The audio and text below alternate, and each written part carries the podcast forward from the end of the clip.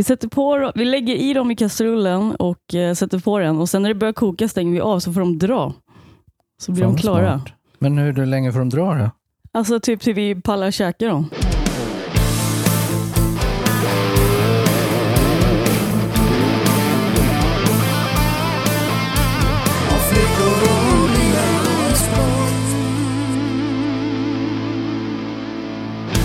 Hej och välkomna till avsnitt 16 av podden om flickor, bilar och sport. Vi sitter här som vanligt hos Tony på Gullmarsplan och eh, det har hänt lite sen sist, eller hur Tony? Ja, jag har blivit med hund. Shit, Mm. är det kul? Det är, man slipper sova.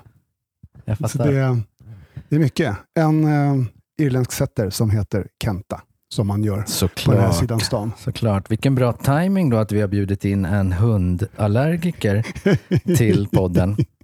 Eh, I soffan bredvid mig sitter, Filippa Nessil, hej välkommen hit. tack så mycket.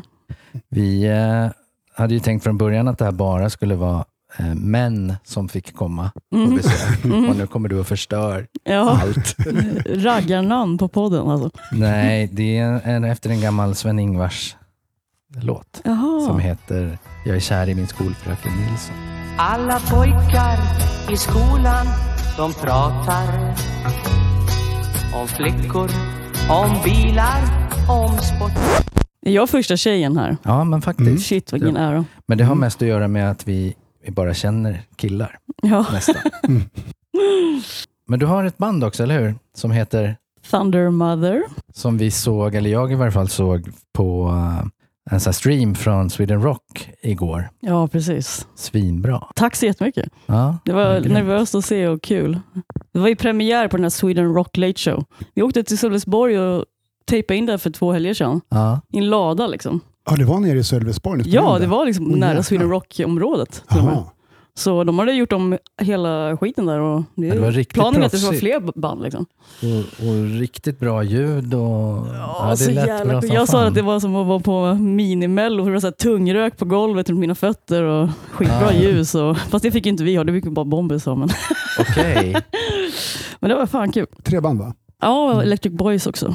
Just så det var lite kul där med Conny och lite fest med grabbarna där. Mm.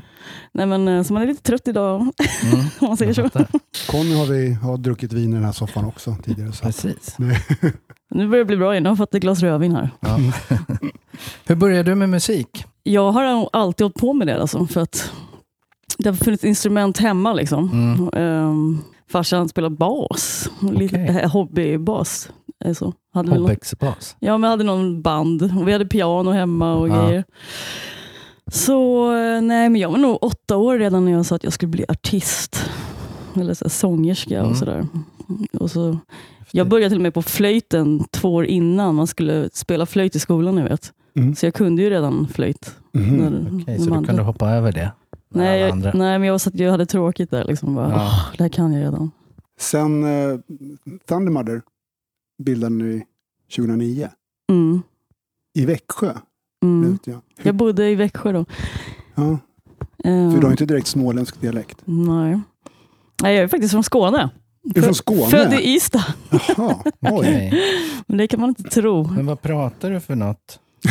Jag, jag vet inte. Jag pratar luddigt och grötigt. Nej, Ibland. nej, men, inte. men vad, vad, Rikssvenska. vart har du liksom präglat din dialekt någonstans? Vart har Att du jag har mest? en farsa som är AIK och en morsa som är Hammarbyare. Som Ja. flyttade till Skåne när de fick oss barn helt Okej. enkelt. Bodde på landet och jag hade ingen moppe. Och jag ja, blev hämtad efter skolan och hängde hemma liksom. Ja, okej. på gården, kom ingen vart. Så om jag behöver hundvakt till Kenta, då är det din eh, morsa, inte farsa jag ska fråga. Så är det faktiskt. Nej, men, eh, Kent är grym. Ja, nej, men, eh, så det var, det var underbart att få växa upp på en gård i Skåne, på Österlen. Och det nu gjorde nog mycket att jag blev så pass eh, instrumentaliskt eh, intresserad, Mm. tror jag. Det fanns inget annat att göra än Nej, att så sitta jag, och öva. och min storebrorsa satt och spelade piano varje dag och jag stod bredvid och sjöng med. Liksom, så här, ni vet de här vispop, sådana böcker. Liksom. Jag körde I don't wanna miss a thing så fick jag sjunga. Och, men han var Ah. alltid bäst på piano så när jag upptäckte, upptäckte gitarren så var det skitkul. Liksom. akustisk gitarr Mm. med jätte, för mycket höga strängar. Och, Började Alltså du på det- kommunala då eller något sånt? ja, precis. Jag gick i kommunala akustisk, eller jag gick nyckelharpa faktiskt. Så jag spelade nyckelharpa i många år. Hur, hur kommer man på det? Att man vill spela nyckelharpa? Därför jag hade inte varit på så många konserter, men Åsa Jinder var i Tomelilla, så jag hade Ah. sett henne spela. Då tyckte jag att det där var- verkar ju coolt.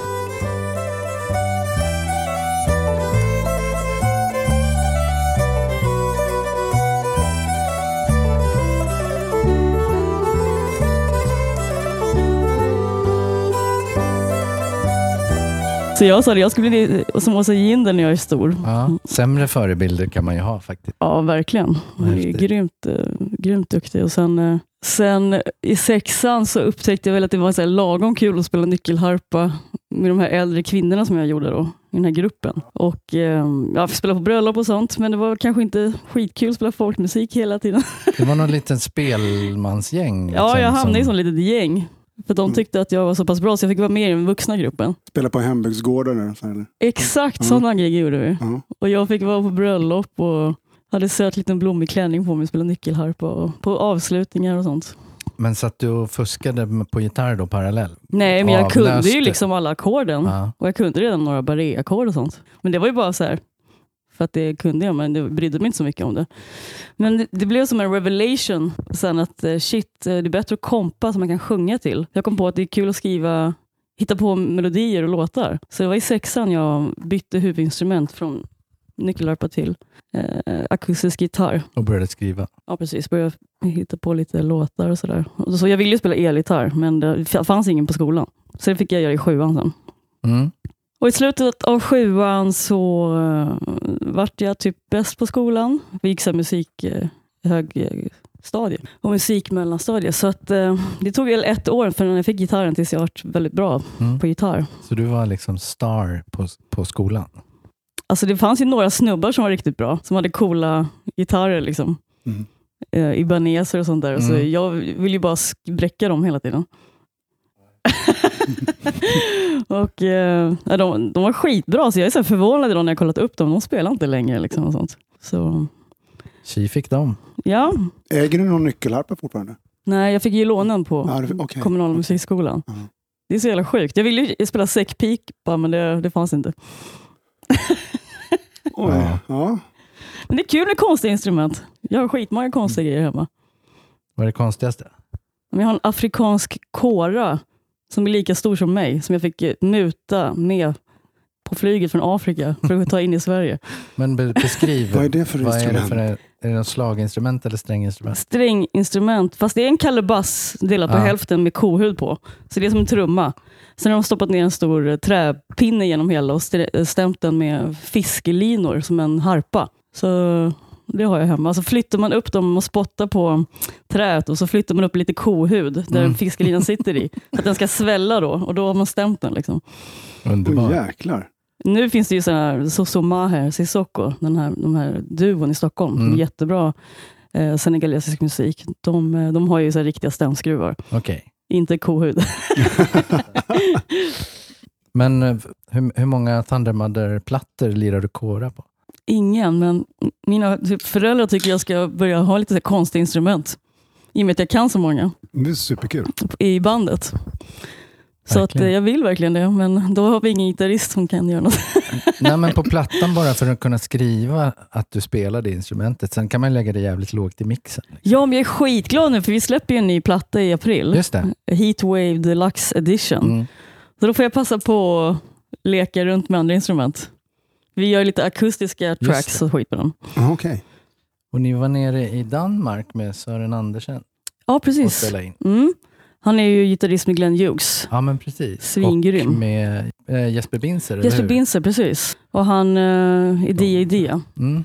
med hans soloband. Ja, precis. Och så är han ägare av Medley-studion. Han köpte, köpte en tredjedel av den. Ja, klassisk studio. Skitcool studio. Nu har jag varit där jävligt mycket. Liksom. Känns som ett andra hem. Jag kan kaffemaskiner. Ja, De har skitbra kaffe. ja, Nej, men, ehm, så jag spelar lite banjo och grejer nu, så det är kul vad kul. på skivan. Sen är det väl en hel hög med tuffa gästartister också? Pontus Snibb Mm. och Dregen Dregen. och eh, Jesper Binzer just det. och Jakob Binzer, hans bror Ja. som spelar gitarr i D.A.D. Häftigt. Han Men, spelar ett men ni solo. åkte med D.A.D. Precis. en eller flera gånger? Ja, det var nog en turné, Ja. ett par år sedan. Och ni klickade på något sätt? Eh, Det var, det var faktiskt fem år sedan. Alltså. Okej. Det var länge sedan. Ja. Ja, vi hade skitkul. Liksom. Första gången jag sett ett band, alla gig på en turné, huvudband. Okej. För jag tyckte de var så jävla bra. Mm. Så jag var där varje kväll framför scenen och kollade på dem. Det var liksom bästa konserten varje kväll Ja. jag har sett i mitt liv. Världens bästa liveband. Ja, jo, jag. men, nej, men de är makalösa. Nej, och sen så eh, ville de vara med och på skivan och sånt Mm. där. Vi har hållit kontakten lite grann. När ska, eh, släpps plattan i april? Så är det? Eh, precis, i april. Eller det blir kanske framflyttat till maj nu. Jag är lite osäker faktiskt. Ah, okay. För det var lite tråkig booklet så jag vill slänga in lite mer crazy stuff. Ah, ja. Det är viktigt med det fysiska. Absolut. Och Det är faktiskt första gången eh, vi har, vi har fått varsin sida i bookleten och designa helt själva. Grymt. Alltså jag får göra vad jag vill. Jag får lägga ett recept i bookleten på min sida om jag vill. Bara för att vi ska vara kreativa. Liksom. Det är kul. Kör snabbmakaroner. Ja. Så alla har faktiskt eh, designat det i bookleten, så det är sjukt personlig booklet. Häftigt. Ja, Det tyckte jag är lite kul. Liksom. Ja. Vi som gillar vinyler och sånt där tycker Mm. det är ball. Liksom. Mm. Vad hette första bandet du var med i då, eller startade? Vi hette Plastic Ducks. Sättning? Sättning, eh, jag spelade gitarr och den här, min konkurrent i skolan, han spelade också gitarr. Okej. Vi turades om Sola. Så hade vi eh, Mette på bas, Johanna på sång och Jesper, en kille på trummor. Vi spelade på fritidsgårdar Ja. och spelade covers. Backyard Babies låtar och um, Rage Against the Machine-låtar. Fantastiskt. Oh. Och Plastic Ducks, jag bara såg det på affischen när jag kom till giget på kvällen. Jag bara, fy fan vilket dåligt namn. Ja, det bestämde de utan mig, bara helt innan. Så att jag hade ingenting att säga till om där. Typ dagen innan, för de var tvungna att ha något på affischen. Från den sekunden bestämde du, framöver ska jag bestämma allt i mina band. Nej, det var inte faktiskt det. tog längre tid än så. Nej, men sen så gick jag med i ett band kort efter som vi gjorde egen musik i. Där spelade jag bas faktiskt. Mhm. Vi heter Gas. Gas? Mm. Punkband från Ystad. Ja, det var coolt. Vi hamnade faktiskt på omslaget av Österlen-magasinet som ett nynazistiskt band. Oj! Vilken merit! Eller hur? Och så de verkligen missförstod det och så outade de oss våra namn och bild, bilder på vårt gig i tidningen. Bara för att eh, sången hade hängslen, Dr. Martens och snaggat hår. Ja, det är Fy fan vad sjukt. Fast det är inte så farligt att vara nynazist i Skåne. Nej! Vad är det för journalist? ja. Jag, jag skrev faktiskt eh, med hjälp av morsan ett, ett mail till tidningen att det var skitdåligt att gå ut med felaktig information. Dementerade de det då, eller? Nej, de dementerar aldrig det. Nej, fy fan. Jag tror jag har den tidningen kvar någonstans. Ja. Hur gamla var ni då? Eh, alltså 14 kanske.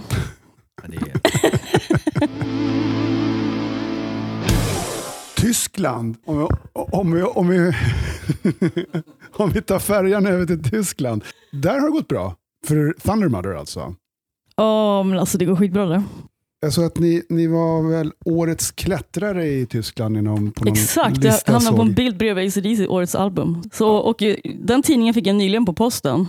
Den heter Metal Hammer, en av de största. Mm. Så det var ju faktiskt eh, den här månadens issue. Och så, så bläddrar jag vidare och så är det sån här liten reklam i slutet. Festivaler. Alltså vi, vi är med på alla festivalerna, de här stora i Tyskland. Det var ju nästan pinsamt. Jag bara, finns det inga bättre band liksom, än någon annan? Liksom, ni vet, lite liksom, olika musik. Ja, Kan precis. fan boka om samma band på varje festival? Skittråkigt ju. Men det är så sjukt, för det är bara så här, ni vet, metal på Mm. tyska. Inget bra smak har de ju. Ja, men uppenbarligen. Ja, men, det- ja, men det är väl De måste- därför jag bara, kan vi turnera någon annanstans också? De, de måste ha någonting som bryter av den här galoppmetalen. Liksom. Ja, men det är bara, på, liksom, det är bara vi och galoppmetal. Alltså som på, på vårt merchföretag. Och Scorpions? Nej. Ja, jo. Såklart har ju våra manager dem också. Han vill ju sätta ihop oss med dem hela tiden. Ja. Att vi ska ha med dem på en låt eller du vet. Vad, vad tycker du om det då? Att det, nej, jag tycker inte det är så kul. Alltså. Fan, en duett med Klaus måste ni få med på platta. Ja, alltså Kan du få riffa loss de har tjatat. Jag har inte svarat på det där mejlet alltså, på ett år. Det ligger fortfarande så här obesvarat. Att vi ska göra något med Klaus. Men det som är lite kul med våra managers, så vi har ett så litet team. De är tyskar såklart allihop.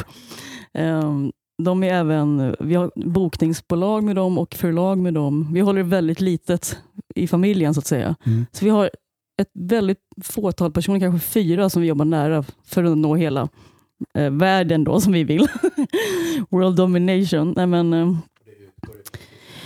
det utgår från Tyskland allt. Vi har liksom till och med vår backline där. Vi har våra, vi repar, liksom där ska vi göra proddrep och vi har merch där och skivorna är där. Och allt liksom utgår därifrån. Vår, vår tekniker bor där, Vår mercher bor där. Och så. så att, ehm, nej men det som är lite ball med att de har faktiskt signat Kiss också på vårt förlag nu. Som är min manager som äger förlaget. Så att det blir ju lite möjligheter också när han har andra band. Som, han jobbar ju så nära oss så han kan ju fixa kontakt med dem ehm, och sånt där. Så. Ja. Men det här amerikanska då, Creative Artist Agency, som ni signade med nyligen. Ja, det är det senaste vi har signat med CAA. Och Vad det, innebär det? ja, men jag började ju gråta när jag fick reda på det, som jag sa i den där Sweden Rock-streamen igår. För de har även... ACDC. så att nu har förhandlingarna börjat pojkar. Dream come true? eller? Så Ja. om det kommer ett eh, mail från Angus, då låter du inte det ligga ett år eller? Nej, för fan. Nej, men jag är så glad nu för att det är så sköna liksom, drömmar som slår in. Man blir så glad. Mitt i pandemin, så det det är bara så här, shit, nu, nu kan vi göra det här. Om ett tag, förhoppningsvis. Ja, men det är så här, Det måste vara superfrustrerande. nej, Som men en alltså, så här galopphäst. i jag liksom- utnyttjar varenda grej, varenda ledig dag till någonting som eh, tar mig närmare mina drömmar. Jag har alltid liksom styrt min egen verklighet till det jag vill. Så jag tänker att det här är meningen nu. Något så jäkla konstigt, alltså. flummigt. Lite meditativt. Jag tänker Mm. mycket, jävligt mycket tänkare. Och eh, nej, men så det, det ger grejer hela tiden när man bara jobbar för en riktning hela tiden. Så att eh, nu har jag kontakt med Girls School, ska lite grejer med dem. Och just nu liksom, så de ska skypa med gitarristen eh, om två veckor och ska skriva lite låtar med henne. Jaha, Ja, häftigt. alltså jag har precis börjat så lyssna igenom deras plattor och sånt där, för jag har ju aldrig lyssnat på dem. De har ju släppt så jäkla många. Det var väl, det var väl Lemmy som upptäckte dem? Ja, precis. Så att det, han, det var, de blev ju Motörheads lilla baby som de... Mm. Och sen gjorde de en split-singel där de spelade varandra. Exakt, jag kollade faktiskt på Ja. den videon igår efter vi hade sett vår konsert. Emergency Just det, och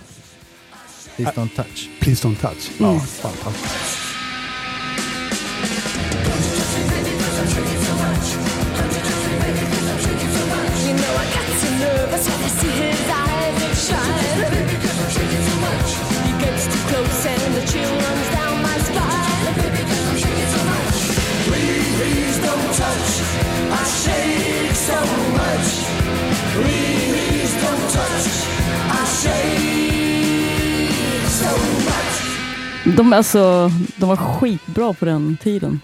Lemmy-tiden. Skitcoola. Men apropå pandemin, eh, i förra våren, då slutade ju de flesta banden turnera. utom, utom, Utom eh, vi. utom ett. Ja. Men ni gjorde, hur många turnéer blev det förra året? Tre och en halv. Fast det var pandemi. Ja, i, i Tyskland. Det måste ju vara rekord alltså. Tre och en halv pandemiturné. Ja, sista rundan där i november, då var det svårt. Då fastnade jag på ett hotell på gränsen till eh, Schweiz. Liksom, verkligen, en kilometer åt det hållet är Schweiz, en ja. kilometer där är Tyskland. Liksom. Hur många spelade ni för då? Hur många fick? 50 pers. 50 pers. Det började med Rosa 2-turnén är eh, helt vanligt, liksom. tusen pers per kväll i februari. Ja. Två veckor in så får eh, världen reda på att Kina har det här. Liksom.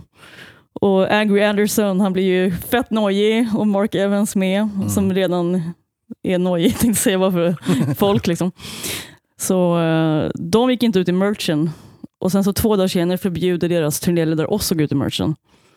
Oj, och sen två dagar efter det så tar vi oss över gränsen från Danmark för att spela våra två gig i Sverige. Mm. Och det blir de två sista gigen vi gör med dem. Så vi, två veckor hann vi av en månad med dem. Mm.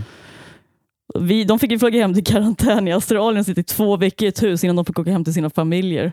Oj, oj, oj. Och vi var i alla fall hemma, så det var ju Skönt. skönt. Liksom så.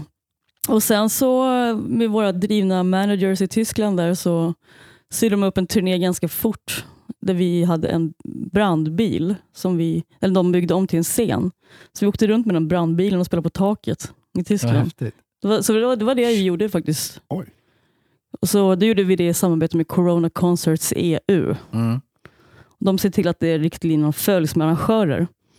Så de hade ju så här tre meter eller vad det nu är, mellan varje stol. Liksom. Och eh, band emellan och fyra solstolar inom ett område. Sen var det mellanrum. Mm. Och, Kom eh, någon för nära var bara dra på brandslangen. Liksom.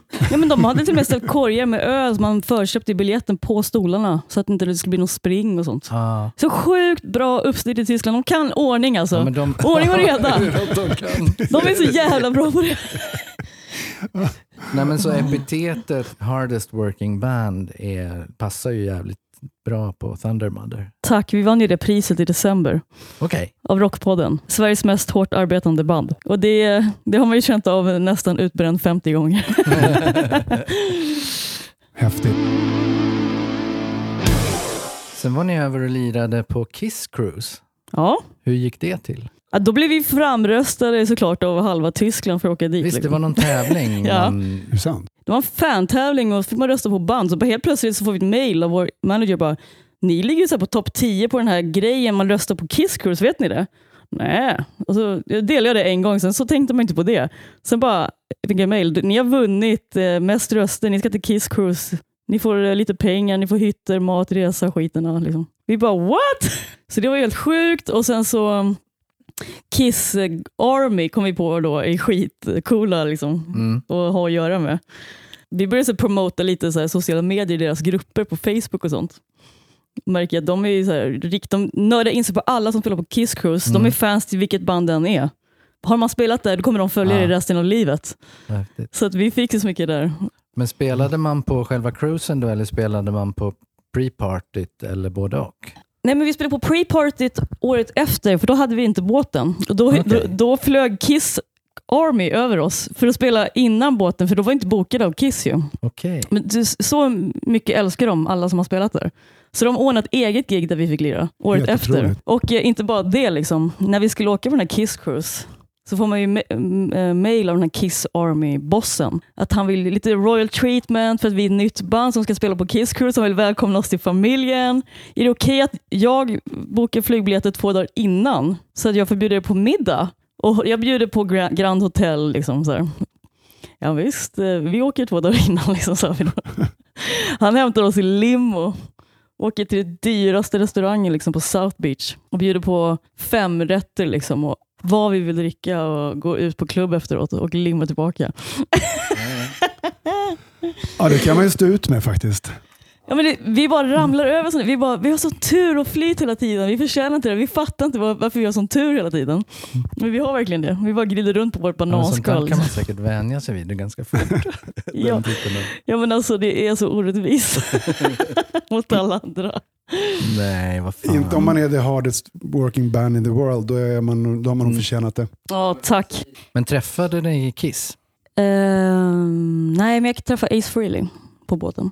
Jag såg ju Kiss flera gånger, jag såg den här kön till båten och sånt. Men det var bara Ace jag fick eh, hänga med backstage. Bara. Många tycker att Ace är den coolaste. Ja, men det är han. Han är fan cool alltså. Ja, det är han. Det Han kallar mig inte för Sweden. Det var inte så många blondiner på den här båten. Apropå Tyskland, ni gjorde en reklamfilm för tyska Radio Bob. Ja, precis. Vi, vi är med på tv där nu. På Kabel Ein. Så, ja, men det var faktiskt därför vi tog det här lilla skivbolaget AFM. För att eh, då skulle vi få tv-reklam också. Och då skulle inte det vara recoupable royalties, vilket innebär att vi inte behöver betala det med vår royalty vi tjänar i framtiden. De skulle bjuda på det. För de skulle lägga en halv miljon spänn på det, så då tog vi det. Och sen så blev det som en, en grej, bara för att vi var på tv så ville ju andra reklam, reklamer ha vår musik. Så då blev det bara en bonus. Så blev det ännu mer tv-program. Radio Bob tog in oss och sådär. Weck den Rock in dir. Radio Bob, Deutschlands Rockradio. Det som är så schysst med tysk tv är att det står vilket band eller, som gjort musiken också under reklamen. Ah. Radio Bob kör väl, de kör väl konserter och sånt också va? Det är ju Nordtysklands största rockstation. Ja, okej. Det är som Rockantenn i Sydtyskland. Mm. Det är de två som regerar marknaden. Du har, eh, vi var inne på det förut, din sambo Pontus Snibb spelar ju Bonafide som vi hade som gäst här Mm. för ett tag sedan. Man får nästan känslan av att ni bara sitter hemma och lyssnar på ACDC 24-7 liksom. Men Det är vi bara på fredagskvällarna. Igår gjorde vi det. Ja, men nu under pandemin i varje fall. Men i vanliga fall så är ni väl nästan särbos för att någon är väl alltid på turné. Men han sa faktiskt det. Så vi har varit på varandra nu så här länge. Vi har aldrig varit på varandra. Och vi har inte bråkat någonting. Tyckte han var helt sjukt. Ja. Och det funkar. Jag bara, det var sant alltså. Vi kommer jättebra överens fast vi är hemma på varandra nu. Fan vad skönt. Vi gillar ju samma musik så det underlättar. Ja. Och han är så smooth när han ska väcka mig. Sätter han på James Taylor lite tyst. Så höjer han lite så vaknar jag till musiken, mysigt. Sen kommer han in med kaffe på sängen till mig. Och så. Ah, vad vad svarar du med? Barry Manilow eller Boney M? Nej, men han spelar så mycket, han får vara DJ hemma. Mm. Han har, Generöst. stör, han har störst skivsamling, han är el- 11 år äldre än mig. Och på tal om Bonafide, är det väl så att eh, du och Pontus har skrivit titelspår till nya Bonafide-plattan tillsammans? Ja, Ja. så kul ni tog upp det också i hans eh, avsnitt. Mm. Är så att eh, men jag kom med den idén där och sjöng den för han. Och då gjorde han ett riff och det blev en låt. Mm. Häftigt. Ja, shit. Första gången jag får vara med och göra något med Pontus på hans skivor. Mm. Han får vara med på mina skivor. så det var ju skitkul tyckte jag. Och så Mm. att det blev också titeln på deras nya album. Are you listening? Ja. Så, och eh, första låten. Det känns jätte, jättekul tycker jag. Ja, vad roligt. Jag brinner som sagt för låtskrivande. Ja. Och den är James Taylor-inspirerad då? Ja, precis. Not so much. Hur skriver du då? Sitter du hemma och riffar med gitarren eller skriver ni i lokalen eller liksom sitter du med en akustisk? Eller? Alltså jag har faktiskt en podd, eller podd, vad heter det, proddstudio i Vasastan som jag hyr. Okej. som är min, som jag sitter där och skriver musik. Så det är därför man inte har så mycket tid eh, ändå hemma. Liksom, för att så fort jag kan så sitter jag där hela dagar och kvällar och skriver musik. Så jag har en eh, akustisk där, jag har en vanlig elgitarr. Jag har en elgitarr slide-stämning, öppet E. Mm. Jag kan slida om jag vill. Och så har jag min morfars gamla Stark som jag fick. Eh, PV30 Classic. Mm. Och eh, så finns det ju piano där och grejer. Mm. Så jag sitter faktiskt där på dagarna i min, i min studio. Så jag ger verkligen allt jag har för jag är så jävla lat. Så sitter jag hemma då, då kollar jag på Netflix. Liksom. Jag klarar inte av det. Så det är nästan som att du går till jobbet. Så åker du och skriver. Ja, och det blir så liksom. jävla effektivt då. Mm. Och Sen så kan jag flippa mellan fem låtar och göra lite på Mm. vad som helst. Så jag skriver liksom väldigt fritt. Inte bara till Thundermother, tänker utan vad jag än kommer på så gör jag färdigt de idéerna. Som Har du nu, skrivit till någon annan? Ja, det har jag. Så eh, jag har skrivit en låt som en tysk operasångare har. Det är sant. Ja, han heter Big, jag tror han heter Master Voice eller Big Voice eller något sånt där. Finns på Spotify. Live this day forever.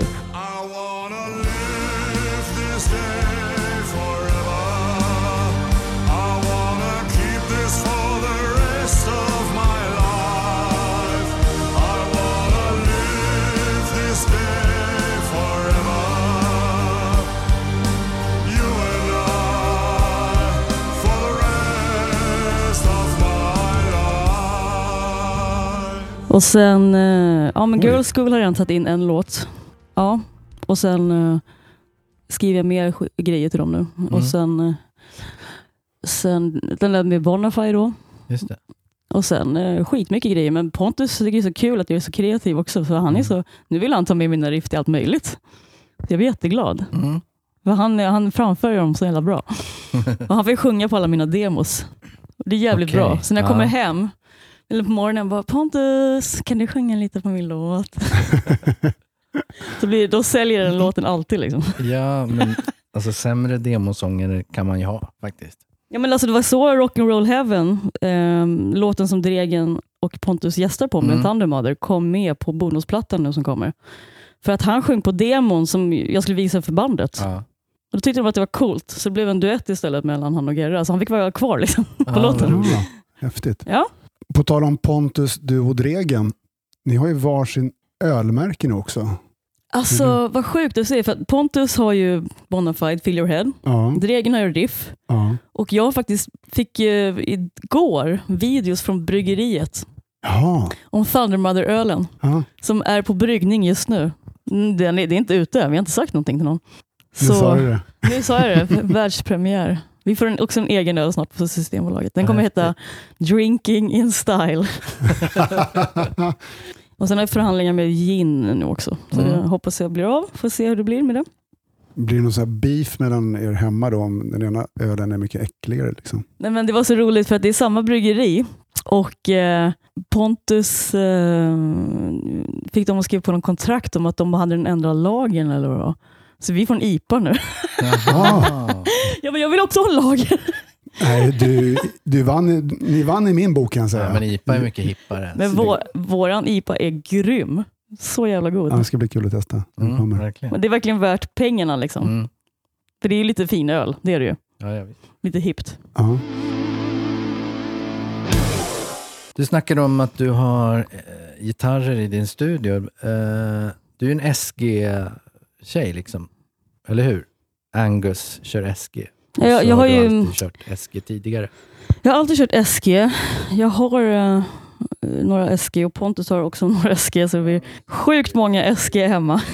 Men jag är faktiskt lite mer inne på Explorer nu. Mm. Men jag har sett att du har Lizzie Hale signaturgitarren. Mm. Otroligt snygg. Den är skitsnygg, så synd bara att det är en signatur. Jag har skruvat av hennes autograf på huvudet och satt dit vet. en SG, Ja, SG-skydd istället. Har du gjort det? Ja, Ja. det står SG på min Explorer. Lizzie Hale i Hailstorm alltså. Ja, hon har en skitsnygg eh, gitarr, vit med eh, Guld, eh, Guldbindings. hardware och... Mm.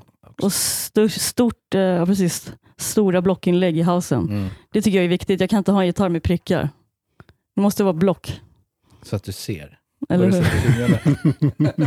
det går så fort. Nej, men det glimmar mer. Det är snyggare. Så, eh, nej, och så lite Flying V's och sådär. Så nu är jag inne på Gibson RG faktiskt. De är rätt balla. Ja, men... Som lite Precis. större, för det blir lite mer resonans i trät. Ja.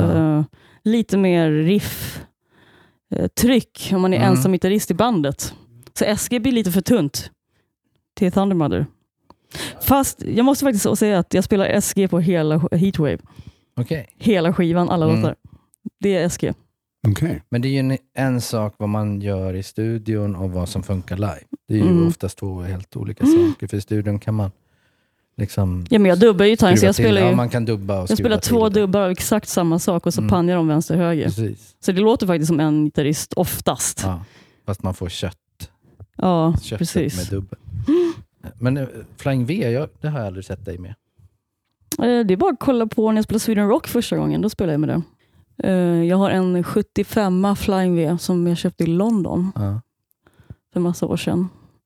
Det enda som är tråkigt med den är att det är massa autografer på plektrumskyddet. Men det går ju att byta. Jag måste, jag, jag måste göra det och jag planerar det. Inte om det är Michael Schenkers. Nej, han är inte med, men Paul Gilbert är med och eh, Satriani är med och Steve Vai på och skit. Ja. De förstörde gitarren, Ah, de Skruva. bondlurkarna. eller hur? Skruva Fan. av, ut med det på Ebay. Ut med skiten, Nej, men sälj det på Ebay.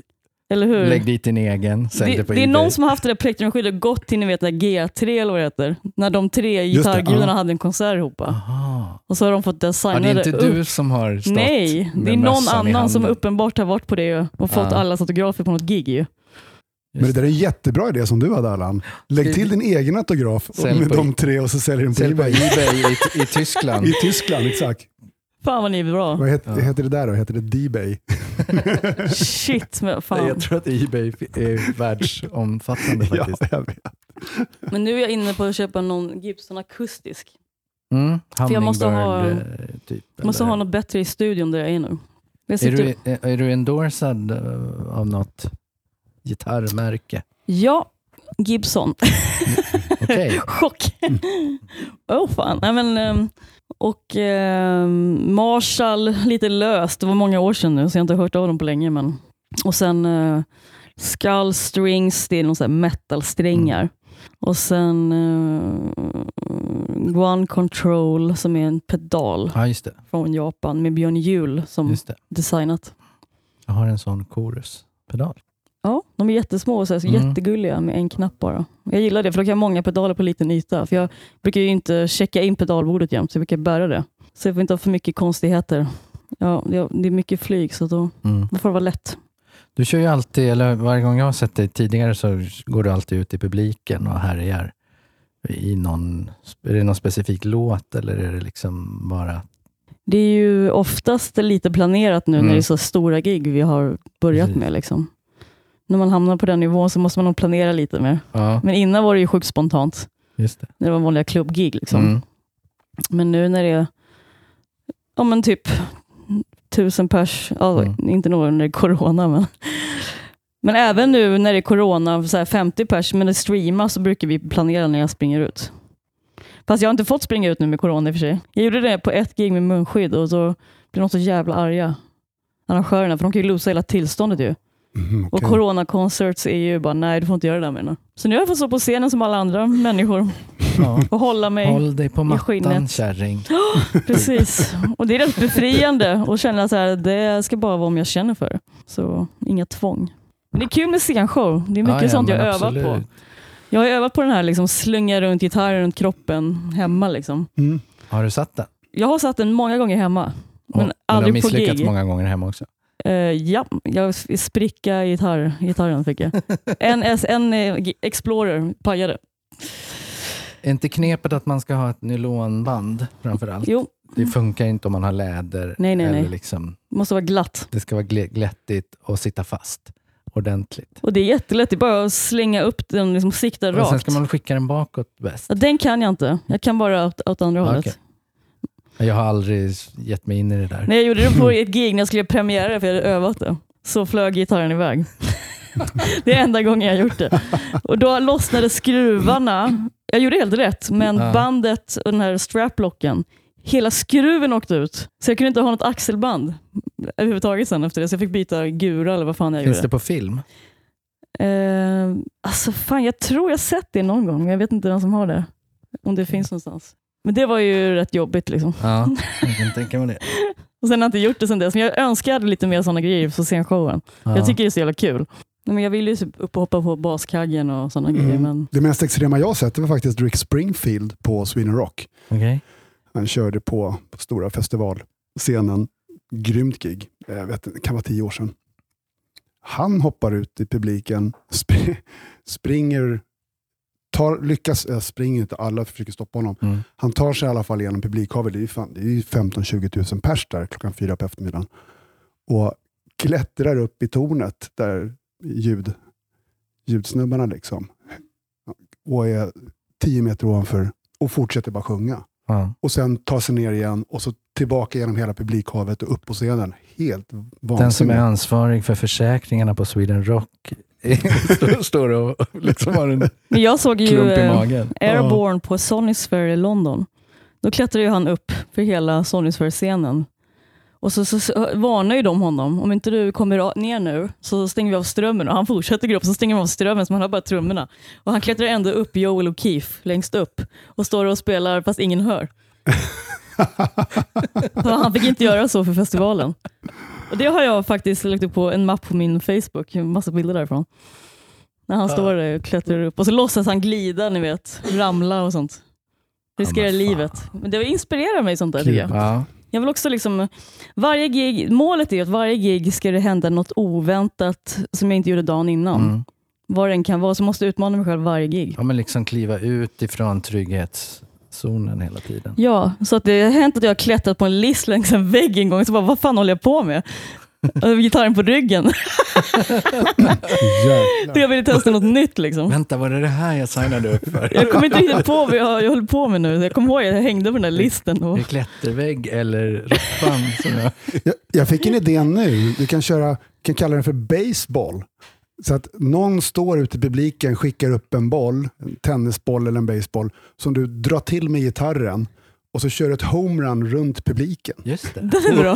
Den har jag aldrig sett. Nej, jag kom på det nu. Det är skitbra. Vilka är det som slänger ut bollar i publiken? Vem är det nu igen? Alltså, det är väl Rod Stewart va? Eller? Ja, han, han brukar ju Han vad heter det, sp- sparkar ut en boll. eh, fotbollar. Ja, just Och. Metallica har ju kört ut sådana här stora Mm, just det. gigantiska badbollar tills de märkte att publiken tyckte det var så roligt att buffa tillbaks dem på scenen och, och då slog de in mixstativen så att man nästan slog ut tänderna. Ja, okej. Och jag spelade ju med KSMB på eh, Slaktkyrkan för ett år sedan ungefär. Då var det ju födelsedagskalas för deras första album. Så då slängde vi också ut sådana stora bollar. Mm. Och de kom ju tillbaka. Ja, ja, exakt. bara ducka och Ja. dra in, dra bort tänderna från micken så fort den där bollen kom i Det är samma sak alltså- jätteläskigt. Usch. Ja, men när, när Roddan liksom slår ut de här fotbollarna. Då Ja. tänker man ju att bara, någon kommer få den i huvudet som inte är beredd. Ju. Ja. Han slår ju så jävla hårt. Ja. Fast det är bättre än Nicky Six som skickar ut basen i publiken. Ja. Och det gör ju är Gene Purple, Simmons också. Mm. det är Purple på Hovet. Det var det Perfect Strangers-turnén. De körde tre dagar i rad, fredag, lördag, söndag. Mm. Då hade de ju såna här två meters bollar som ut i publikhavet. Okay. Gigantiska. Det märker man det är synd om, eller synd om, det är fan inte synd om Kiss. Nej. Men eh, det var tråkigt att se när Paul Stanley fick som be publiken tagga ner. Det här är faktiskt en festival på båten där. Vi är alla här tillsammans, vi ska ha kul. Folk, han ska ju ge bort gitarrer under giggen Ja. på Kiss Cruise. Han är jättegenerös med det. Och, så här. Okej. och då blir det ju nästan så att de folk vill döda varandra för att få dem. Ja, självklart. Mm. Så det, då sa han bara slutspel, nej, det här går inte med på det här. Vi ska göra trevligt liksom. Det går inte, man är så stor och göra så. Nej, det kan man nog nästan lista ut att det ska hända, Ja. tycker jag. Mm. Jag såg en Alcatraz-konsert med mm, Steve Vai, Disturbing the Peace-turnén i Japan och där är det så här sittande publik oftast. Så då när sista låten är slut så pekar han på en tjej längst fram och så går han fram och ger henne gitarren. Men Han, Nice. han ger tydligen ofta bort gitarrer sådär spontant. Aha. Men allt sånt där är så kul. Alltså jag undrar också Mm. om, om det här med Green Day, när de tar upp folk på scenen. Är, är det inte Green Day som får med och spela med dem? Eller är det Foo Fighters? Nej, Green Day har, brukar köra det. Foo Fighters har också kört det. Gene Simmons körde väl det på sin soloturné, att han tog upp något fan som fick spela trummor. Var det där på Grönan eller? Jag Ja, var på där. Grönan tog han upp Fan, Jag någon, kommer knappt ihåg det. något fan som... Jag kommer bara ihåg att det var så mycket tjejer han valde ut i publiken som fick gå upp på, på scenen. Just det. Och att han inte såg eh, låttexten. Han hade sådana A3-ark. Jaha. Så han skällde på hon som hade skrivit rent hans text och tog upp henne och shameade henne inför hela publiken på Gröna Lund. Oj. Oh. Nu har vi kommit fram till det återkommande, eller inte så återkommande inslaget eh, eftersom det inte har återkommit nu på några avsnitt. eh, men ändå, bra eller dålig affär. Nu kör vi jingeln. Bra eller dålig affär? Kan någon säga snälla? Det en fälla? Bra eller dålig affär? Vem vann på den dealen? Vem tappade stilen? Du, du, du, du, du. Det är Eller hur? jättebra. Visst är det bra jingel? Ja, det, Fantastiskt. det är en som vanligt. hit. Det är, det är Nick Borgen. Eh, Filippa, har du någon bra eller dålig affär du vill berätta om? Nej, men jag vet ju att min Pont- eh, Pontus, min sambo, gjorde en dålig affär nyss- nyss. Han köpte ju sån här, han var skitnöjd för det var så billigt. Så här 10 pack strumpor, svarta strumpor på en app. Han bara, Fy fan vad billiga strumpor, så fick han hem dem nu. Och då var det strumpbyxestrumpor. De var skittunna. Ja, Har han på sig dem? Alltså jag tror han har dem, det kris hemma alltså. Oj, är fantastiskt. Ja, den är bra. Den är Den är jättebra. jättebra. Men eh, ja, jag har väl ingen dålig affär så. Ja, men då nöjer vi oss med, med Pontus dåliga. Men det är väl, det är väl mer att jag har såna här bra affärsidéer tycker jag ofta. så Ja, kan ja. jag ju gå all in och så kanske det inte är så genomtänkt för jag blir så exalterad. Ja. Men har du dragit igång något? Ja, men jag har, ibland kan jag som- göra det. Ja. Berätta om något. Nej, men jag bara typ kom på en briljant idé att vi, skulle, vi som säljer så mycket merch i mitt Mm. band, vi ska göra en återförsälja liksom begagnade grejer. Och så skulle jag sy in en Thunder Mother eh, liksom, eh, eko, eko tag i de plaggen. Så jag gick ut och köpte skiten ur alla second hand-affärer i Stockholm. Liksom. Men vad var det för plagg du köpte då? Tishor och... Jag köpte liksom eh, någon sån här XXXL jeans herr. De var ju så stora så jag och Pontus kom ner i dem samtidigt. Och så köpte jag liksom ja, men, eh, mockajacka från så, skinnjackor för dam och någon sån här rosa skjorta, helt random grejer. Liksom. Som var- 80 80-tals hawaii-skjortor. Och... Och de var så här Eco by Thunder Mother. Ja, jag tänkte då ska vi hänga upp dem på galgen när jag har som sitter, alltså, sitter i de här lapparna. Så jag till och med beställde lappar. Handgjord logga av min trummis. Och de här lapparna ligger hemma och så har jag typ tre sopsäckar i förrådet med kläder som jag inte orkar göra något med. Men, Men så, så om vi ska måla upp en bild så tänker du det att i merchbåset ska du också hänga en radda galgar med second hand-kläder. Nej, jag tänkte man och har enda här... sättet att se att det är en Thundermother-grej är att kolla taggen i nacken. Ja, men jag tänkte att det var så supersmart. Alla band i hela världen kommer följa vårt exempel. Eh, det är så himla... I tiden finns bara ett plagg som Thunder Mother själva har personligen valt ut för att sälja igen. XXXL jeans. Och så har man en, en sån stång med kläder, kan man kolla själv. Du Men vet, det där, måste loppis på gigget liksom. Det där måste ju funka på, på Ebay. Hur, hur känner du att Jag orkar ju för fan inte sy alla de där grejerna. Jag vet inte vad jag tänkte. Alltså. men, Har du tänkt om kring idén? Tycker du fortfarande att den är briljant? Nej, Nej. inte superbriljant. Men då skulle man kunna eh, hålla med om att det är en ganska dålig affär. Ja, det är fan en dålig affär. Ja. Jag gick bara minus på den. Bra idé, men dålig affär. Jag vet inte hur ekologiskt det var heller. Pontus har skällt på mig för de här sopsäckarna hur länge som helst nu. Ja, det där var en, det där var en jättebra story. Ja, den var jättekul. Den tackar vi för. Men hörru, du de- designar ju lite eh, smycken och sådana här grejer, eller har gjort, eller gör du fortfarande det? Ja, men det är också en sån där grej som jag bara känner för eh, kanske en vecka vartannat år. Ja. Och så drar du igång. Värsta Instagram-kontot, jag startar liksom ett affärs... Utökar mitt, mitt, mitt företag till smyckesförsäljningsföretag. Jag går all in liksom nu vet. Och liksom, Och så är du trött efter jag en vecka. köper hemsidor, produkter och tjänster och liksom spenderar skitmycket pengar. Så gör jag så fem halsband sen jag tröttnat. Ah. Men du måste ju hitta folk som gör saker åt dig, så att du bara kan knäcka en idé och sen lämnar över det och så gör någon annan det. Och så Ja, tjänar du pengarna. men alltså jag jobbar ju på Studiefrämjandet sedan första februari igen. Mm. För jag har varit tjänstledig så gick jag tillbaka till jobbet nu. Och jag tror lite att jag är den som bara blaffar ut med idéer och så Mm. får någon annan kanske göra dem. Liksom. Så, men det är ändå kul att se att mina idéer faktiskt har införlivats i organisationen som jag ju kom på för massa år sedan. Underbart. Ja, det är sjukt faktiskt. Jag hade en idé om att ha ett tjejkollo i- nere vid Sölvesborg i samband med Sweden Rock för tio år sedan. Girl Power Rock Camp. Mm. Och det lever fan än idag. Och det var jag som kom på den idén för tio år sedan. Och grund... Jag orkade Det med ett kollo och sen så gick jag ju där. Det pallade inte jag med. Liksom. Och nu, det är en det, brill- briljant idé. och nu verkligen. driver de vidare såna grejer, Mm, den Det grejen. är Liksom. superbra, verkligen. Det är kul eh, bara en liten stund tycker jag. Mm. Så Thunder Mother är faktiskt det enda konstanta jag har. Så det, det har jag inte gett upp på.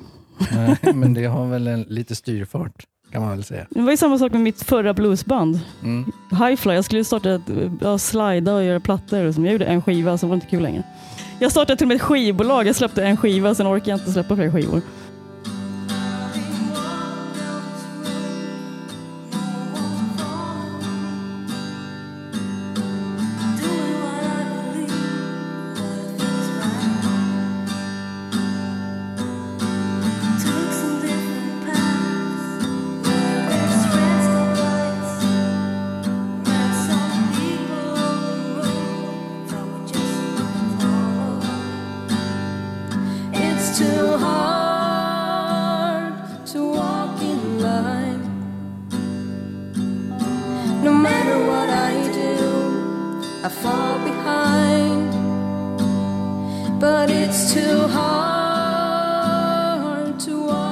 Ändå driftigt får man säga.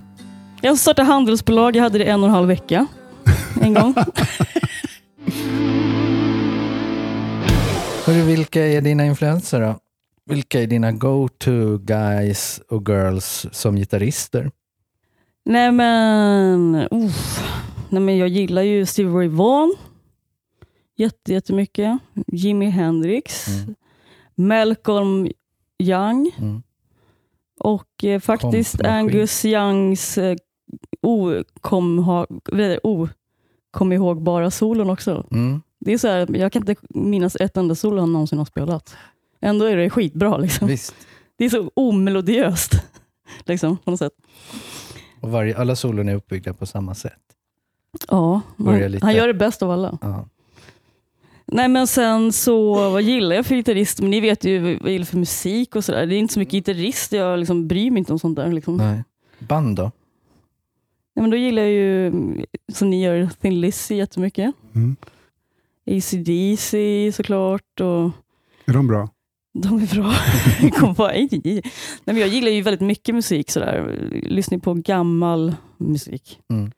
Doyle Bramwell Jr. Alltså kan jag lyssna på Bill Withers. Jag lyssnar på Rolling Stones Mm. i morse. Liksom, eh, det kan ändå vara soft musik. Alltså Glenn Campbell som Pontus gillar. Mm. Jag gillar också sånt. Liksom James Taylor och sånt och Mm. Bonnie Raitt. Bonnie Raitt är bra. Men sen så, jag kan vara lite mer hårdrock än Pontus tror jag. Ibland. Jag kan lyssna på lite så Ozzy och sådana grejer. Tycker jag kan vara gött.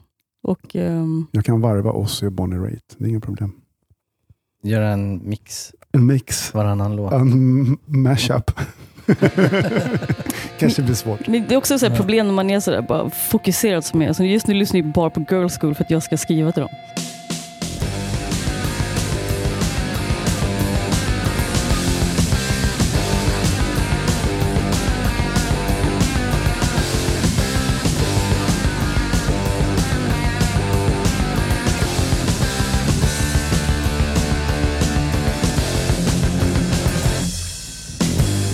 Det är ju inte så känsla i det då.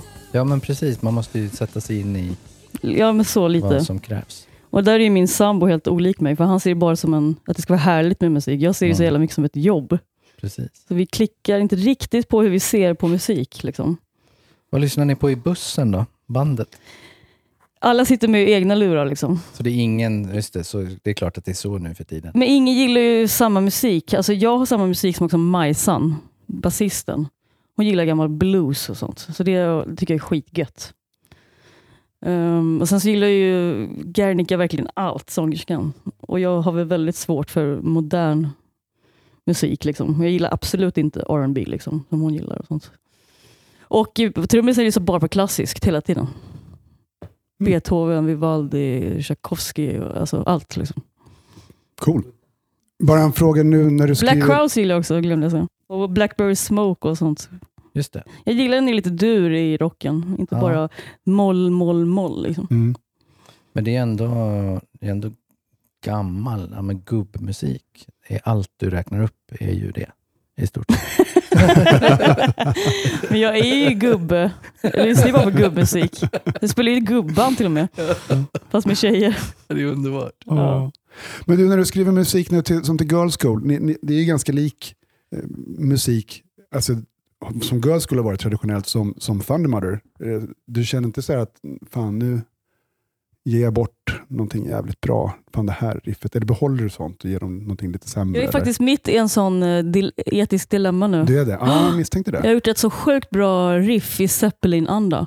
Mm. Jag tänker att det är för intrikat för dem. Och jag tycker det är för bra för att ge bort. Keep it. Jag vill Ja, keep men- it till Thundermother. Alltså. Ja, men då kanske det inte passar dem. Nej, för jag tror att de kanske skulle ha lite mer vanliga toner. Är det skillnad om du gör liksom musik till, till en annan genre?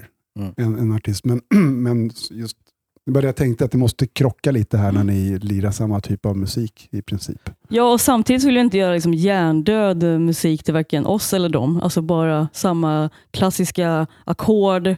Liksom, eh, man vill ha någon annan rytmik i bryggan än den här Mm. vanliga synkopen eller Mm. Mm. D, eller e, C upp till D och sen E. Liksom. Det är skittråkigt. Men jag vill, ha, jag vill göra någonting unikt med allting. Och det, det, det känner jag att jag utvecklats på med, med senaste åren verkligen. Mer. Och Det tänker jag även till dem. Det, de, det, får inte vara, det måste vara värdigt. Alltså. Jag sitter och håller på det skitlänge alltså, Mm. innan jag visar det för någon. Men det är verkligen eh, skillnad på mina riff jag gör nu från två skivor sedan. Mm. Jag vill ha lite mer grejer i nu. Mm. Jag har gått ifrån ACDC lätt lite grann, det har jag faktiskt. Mm, Ja, okej. men det, hör, det hörs. Jag vill ha ett eh, roligt lick i mitten av Mm. refrängen som på min senaste singel med Thunder Mother. The Road is ours, världens längsta gitarrlick Mm. mitt i refrängen.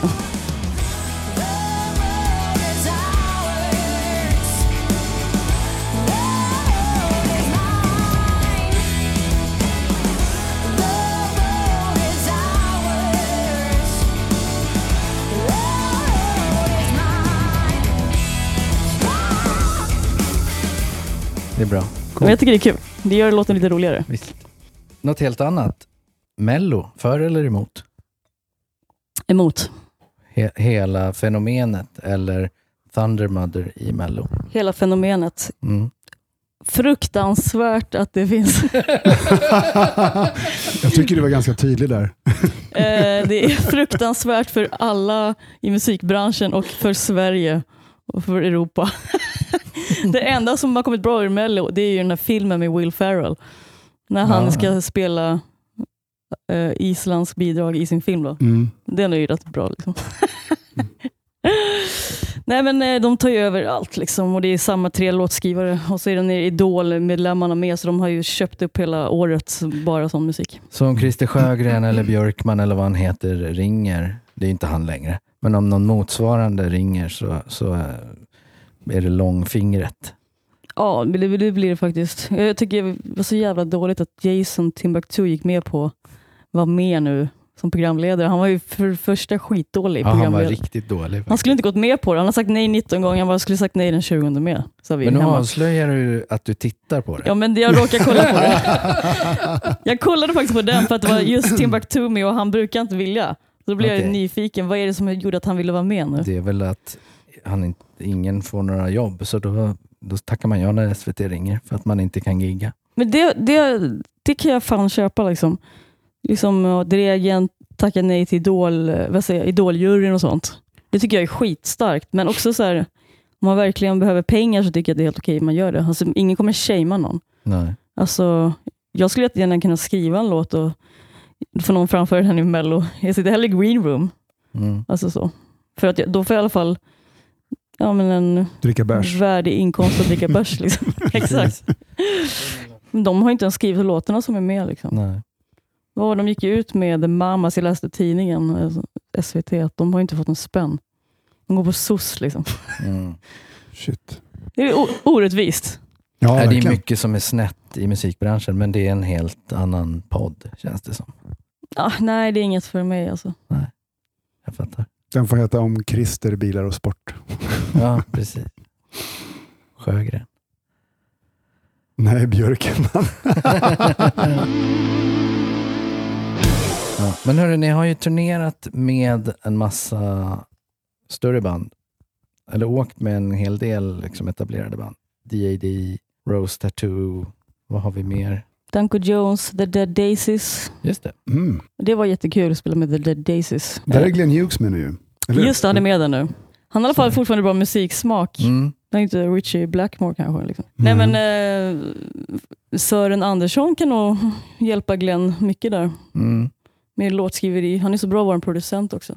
Just det. Jättebra gitarrist. Jag såg ju Glenn på Sweden Rock Ja, med Sören. han är Och skitbra. så var det någon trummis som jag fick höra. De hade inte hunnit repa med honom tror jag. Och, och det var hans första gig. Och så kör han liksom Burn och alla de där Mm. låtarna. Undrar om det är han trummisen som jag såg på en festival förra sommaren. För jag frågade, liksom, eller han, de så här skojar om det och så berättar liksom de att ehm, han har gjort så mycket svarta gig under sitt liv. Så han har investerat allting i guldtackor. Så han sover på guldtackor i sin säng fast han bor i en eh, i så här white trash trailer. Är det sant? Fast han har guldtackor i madrassen. Trummisen, ja. det låter som en skröna. Det, faktiskt. men det låter ju helt sjukt ju. Det låter som en både ett bra och dålig affär. Det precis. Jag äger jättemycket guld men jag bor i en jävla trailer. Jag Ja, vet- och han sover på det liksom. ja. Han har inte velat skatta på det, jag har ingen aning.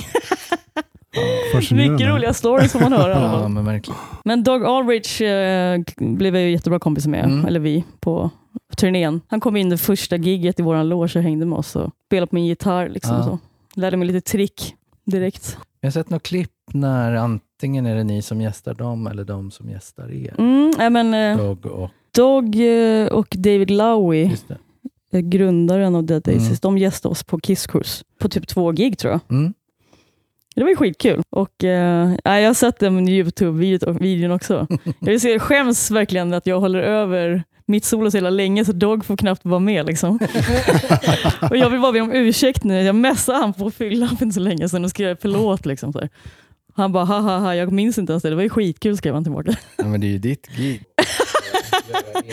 Jag borde ju gett han glansen där, stjärnglansen. Liksom. Ja, men de är så fina att de ville vara med på våra gig och sånt. Och gästa och... Framtiden då? Ni släpper platta snart? Japp. April, möjligen senare, när ni har fått klart bukletten. Eh, ja, så eh, det som står, nu ska vi göra en video på torsdag, ny singel. Och sen ska vi släppa skivan och sen har vi en turné i april, en vecka. Och då är det sådana snabbtest som gäller i Tyskland. Okej. Så att Okej. eh, alla covid-testar sig kommer få komma in och det är upp till 200 pers i, publiken. Så vi blir första, återigen första bandet som gör ett riktigt gig då i Europa. Så vi, vi har en deal med, med regeringen att vi ska vara så här lite testkaniner för dem. Och sen så tar vi två veckor till i maj med samma koncept. Så jag, jag blir faktiskt jätteglad för igår fick jag en garanti av dem att det kommer bli av i april. Vad häftigt. Grattis! Mm. Ja, så det blir en riktig turné det, väldigt snart för mig. Det känns så jävla kul. Jag är så glad. Se ljuset i tunneln. grymt. Filippa, det var asroligt att ha med dig. Ja, tack för att jag fick komma. Ja, det var supertrevligt. Det- Superkul. Vad fort det gick. Ja, det gick jättefort. Jag har, jag har inte ens druckit upp mitt vin. Det är första gången. Ja, men du kan Nej. sitta kvar i fem minuter. Ja, Lås snällt. efter dig och släck. Ja, precis. ja. Nej, men det Eh. var jättekul att ha det här. Eh, Jag ska klappa din hund innan jag går, även om jag är allergisk. Den är jättesöt. Följ Ja. Thundermother i eh, sociala medier och eh, köp deras platta när den släpps. Den, den går att förbeställa redan, eller hur? Ja, precis. Och eh, följ eh, vår podd så att vi får lika många följare som Thundermother. Vi exakt. eh, ligger lite Vi vill efter. också breaka i Tyskland. Ät flickor bilar sport. och eh, ha det bra där ute. Ta hand om er. Och med tanke på hur det går för er nu så skippa det där med ekokläder och halsband och eh, fokusera på musiken. Jag ska göra det. Tack grabbar. Tack. Puss. I'm great.